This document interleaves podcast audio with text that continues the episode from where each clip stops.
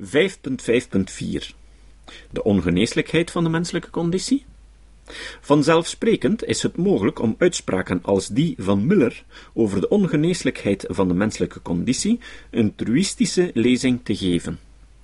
Als Miller er enkel mee bedoelt dat wij mensen soms verlangens koesteren die onbevredigd blijven, en dat het ultieme geluk buiten ons bereik ligt, dan zie ik niet in wie dat zou willen betwisten.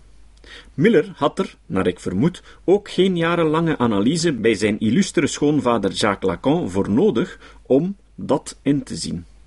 Het probleem is dat Miller het niet enkel over de pijn van het zijn heeft, maar dat hij insinueert dat andere behandelingen dan de psychoanalyse nooit zoden aan de dijk brengen. Als alomtegenwoordige mediafiguur desinformeert Miller daarmee het publiek, want ondertussen zijn er voor diverse psychische problemen, fobieën, obsessief-compulsieve stoornis, depressies, psychotherapeutische of farmacologische oplossingen, die vanzelfsprekend geen wondermiddel zijn, maar waarvan de effectiviteit wel wetenschappelijk is aangetoond. Zoals we in 5.7.4 trouwens zullen zien, minimaliseert Miller niet alleen de verdiensten van alternatieve psychotherapieën, maar probeert hij en zijn achterban bovendien de CGT zwart te maken door haar op een verbluffend oneerlijke wijze in verband te brengen met allerlei onfrisse praktijken en politieke ideologieën. Dus naakjes folterpraktijken in Abu Ghraib, het Stalinisme, de eugenetica. Haakjes dicht.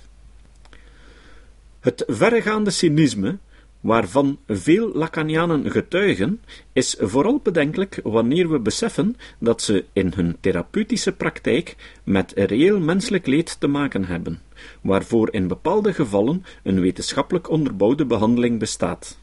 De onthullingen in het Livre Noir tonen duidelijk aan dat de arrogantie waarmee vooral de Lacanianen hun eigen doctrine als het nek plus ultra van de psychotherapieën beschouwen, dikwijls voor menselijke drama's heeft gezorgd.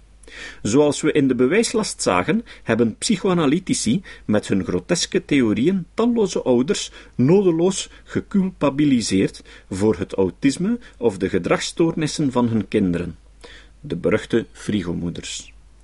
Of naar onzinnige, onbewuste complexen gezocht achter psychische aandoeningen met een puur biologische basis. De manier waarop de Lacanianen, Miller en zijn companen in het bijzonder met deze compromitterende bewijslast in het livre noir zijn omgesprongen, zullen we straks verder onderzoeken.